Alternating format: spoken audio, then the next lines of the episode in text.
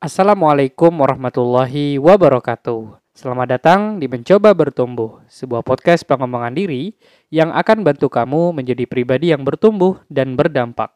Buat kamu yang baru dengar podcast ini, kamu juga bisa mendengarkan episode-episode saya sebelumnya dan kamu juga bisa pilih sesuai dengan tema yang kamu inginkan.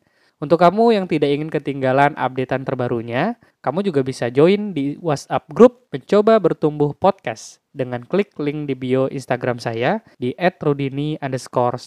Selamat bertumbuh. Dan pada podcast kali ini kita akan membahas tentang kata apa yang mewakili diri kamu.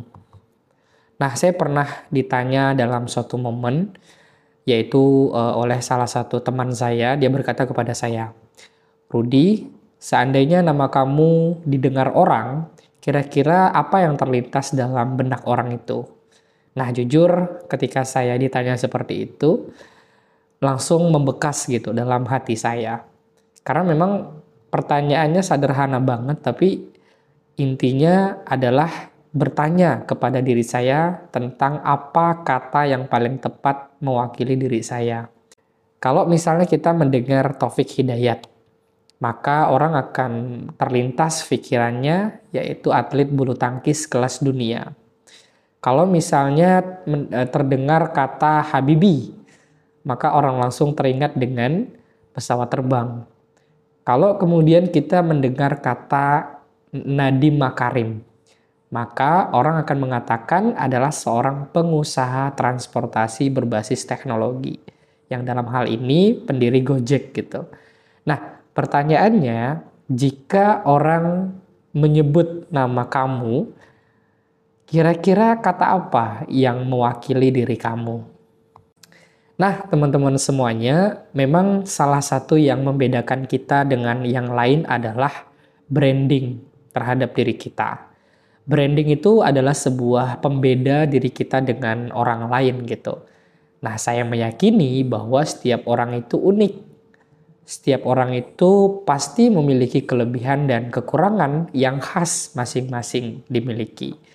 Hanya saja banyak sering kali orang yang kemudian tidak mau e, mencari, mendeteksi apa yang menjadi kelebihannya dan apa yang menjadi kelemahannya sehingga ia tidak bisa memaksimalkan e, kelebihannya dan juga meminimalisir kelemahannya.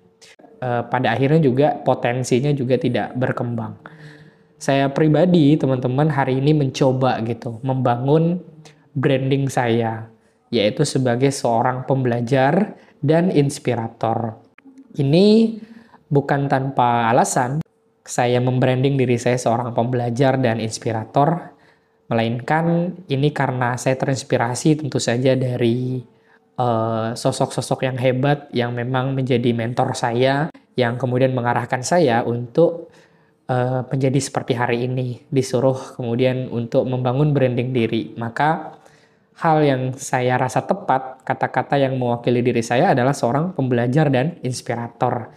Yang inspirator dalam hal kebaikan tentunya. Nah seorang inspirator tentu tidak hanya dituntut untuk selalu memperbaiki diri untuk selalu belajar, tetapi juga mengajar gitu, mengajak, menularkan semangat dan kebaikan kepada orang lain. Itu kan eh, apa namanya seorang inspirator.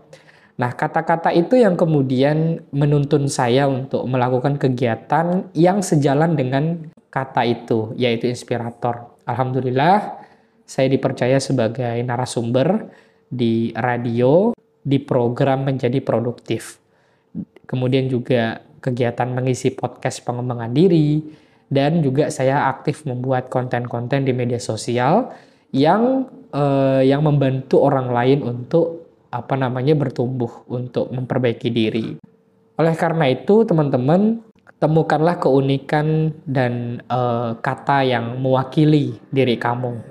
Nggak harus kamu punya segalanya dulu baru kita membuat branding gitu kan kita mungkin merasa nggak punya potensi yang langsung ekspor gitu, sehingga mungkin itu yang kemudian membuat kita tidak berani membuat branding dari kita. Tapi mulailah dulu dari hal yang kecil. Mudah-mudahan itu sebagai doa, sebagai harapan dengan kita membranding diri, itu kemudian membuat kita melakukan hal-hal yang mencapai level itu, mencapai apa yang kita uh, apa namanya yang kita brandingkan.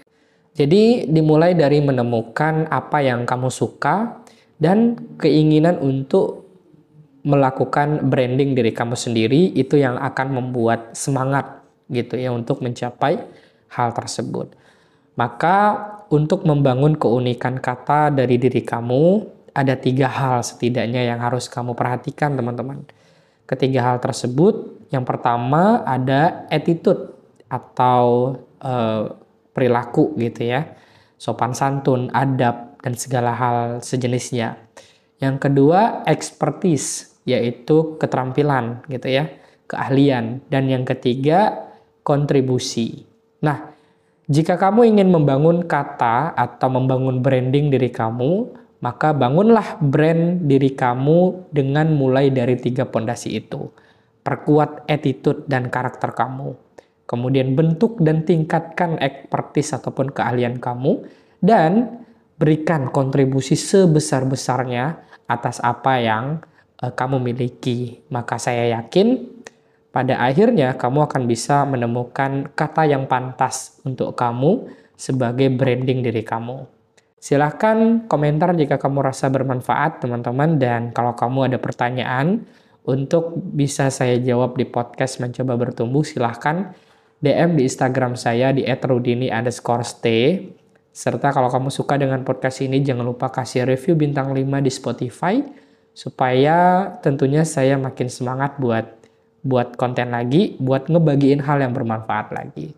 Terima kasih. Assalamualaikum warahmatullahi wabarakatuh.